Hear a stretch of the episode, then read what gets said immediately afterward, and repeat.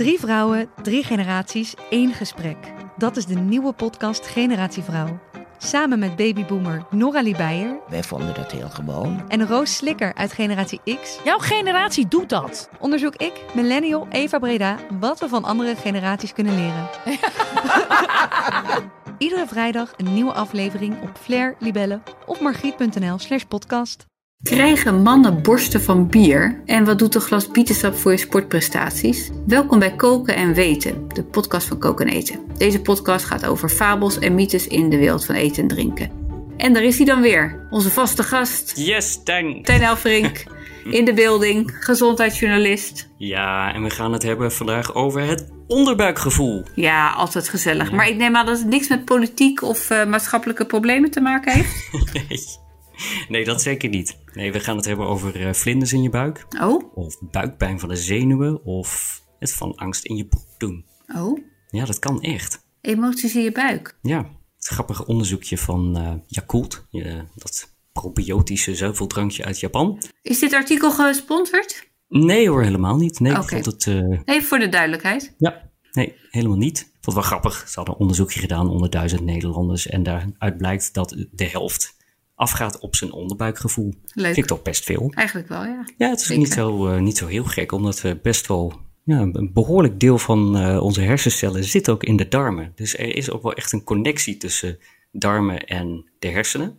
We wisten al langer dat, eh, dat de hersenen invloed kunnen hebben op de darmen.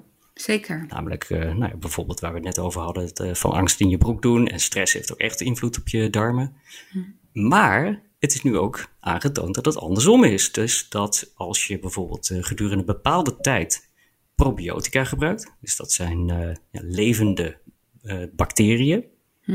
Die zitten bijvoorbeeld in yoghurt, maar nog in veel grotere hoeveelheden in, eh, ehm, nou ja, in, in capsules bijvoorbeeld. Of die probiotische drankjes dat als je dat dan een paar weken gebruikt en je legt mensen in een hersenscan, dat je dus ook daar veranderingen ziet in die hersenen. Wauw. En werkt dat ook bij zuurkool bijvoorbeeld? Of bij eh, andere... Ja, dat is natuurlijk be- de belangrijkste vraag. En Ja. ik dacht wel van ja, eh, waarom zou je nou een paar euro eh, betalen voor zo'n duur zuiveldrankje Ja. omvol suiker uit de supermarkt? Als je ook gewoon zuurkool kunt eten. Ja, daar zitten toch wel een paar haken en ogen aan. Nou, vertel.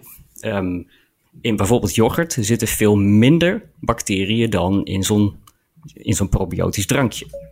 Ja, nou ja, oké, dat eh, kun je zeggen, ja, wat, wat doet dat er nou toe? Nou, in je darmen zit iets van een, een dikke kilo aan bacteriën. Dat zijn, dat zijn er echt heel veel.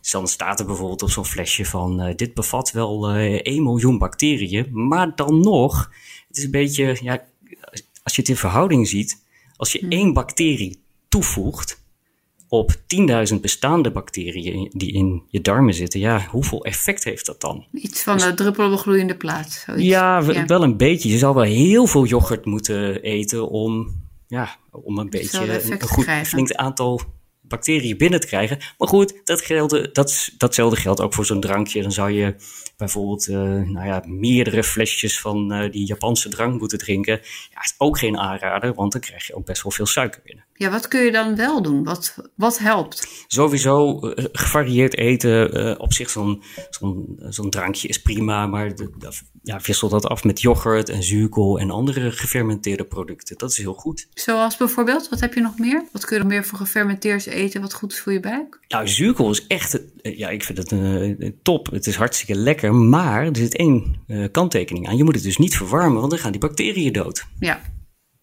Ja, dus, Dus je moet gewoon koud, op- koud Ja. op je hotdog, zeg Ja, maar. echt doen. eh, lekker zomerse zuurkool. Ja, dat is wel een goeie. Ja. En eh, wat kun je nog meer eten? Behalve, eh, nou ja, waar word je darmen nog meer blij van?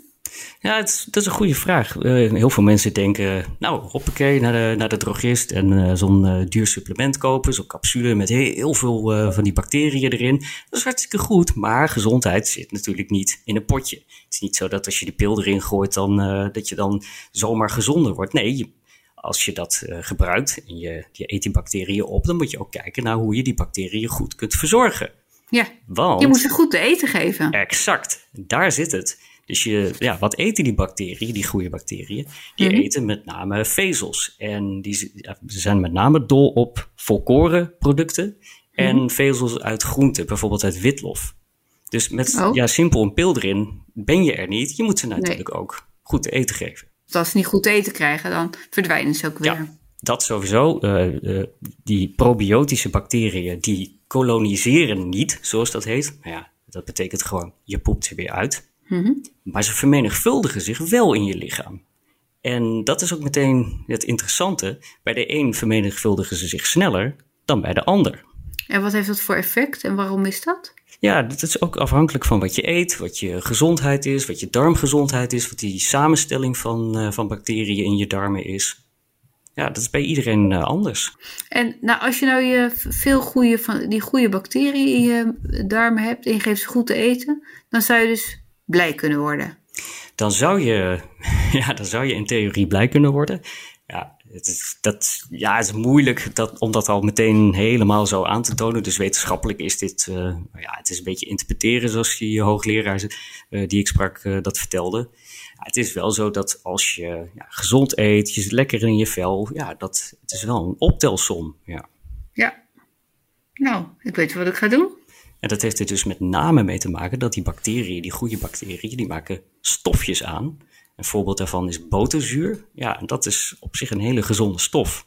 Dus vaak wordt gezegd, we moeten veel groente eten, want het is gezond vanwege de vitamintjes. Nou ja, een vitaminetekort, uitzonderingen daar gelaten, heb je in Nederland niet heel snel. Dan moet je echt wel gekke dingen doen. Dan, bijvoorbeeld als je alcoholist bent, dan, ja, dan zou je een supplement kunnen gebruiken. Dat lijkt me heel verstandig zelfs. Maar er zijn los van die vitamines nog veel belangrijkere redenen om veel groente te eten, namelijk vezels. Ja. En Ja. iemand die veel vezels eet, heeft dus ook een andere samenstelling van bacteriën in zijn darm dan iemand die veel vlees eet, of veel koekjes eet, of veel chips. Dus dat is een belangrijke reden om veel groente te eten. Ja. Nou, lekker man.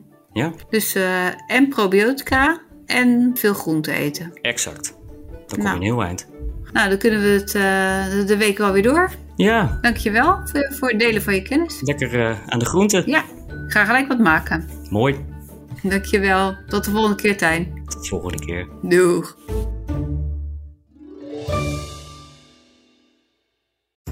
We worden dagelijks overladen met overbodige informatie. En het is moeilijk de zin van de onzin te scheiden. Daarom vertrouw ik op echte journalisten in plaats van meningen. Een krantenmens heeft het gemakkelijk. Word ook een krantenmens en lees je favoriete krant nu tot al zes weken gratis. Ga snel naar krant.nl. Bezorging stopt automatisch en op deze actie zijn actievoorwaarden van toepassing.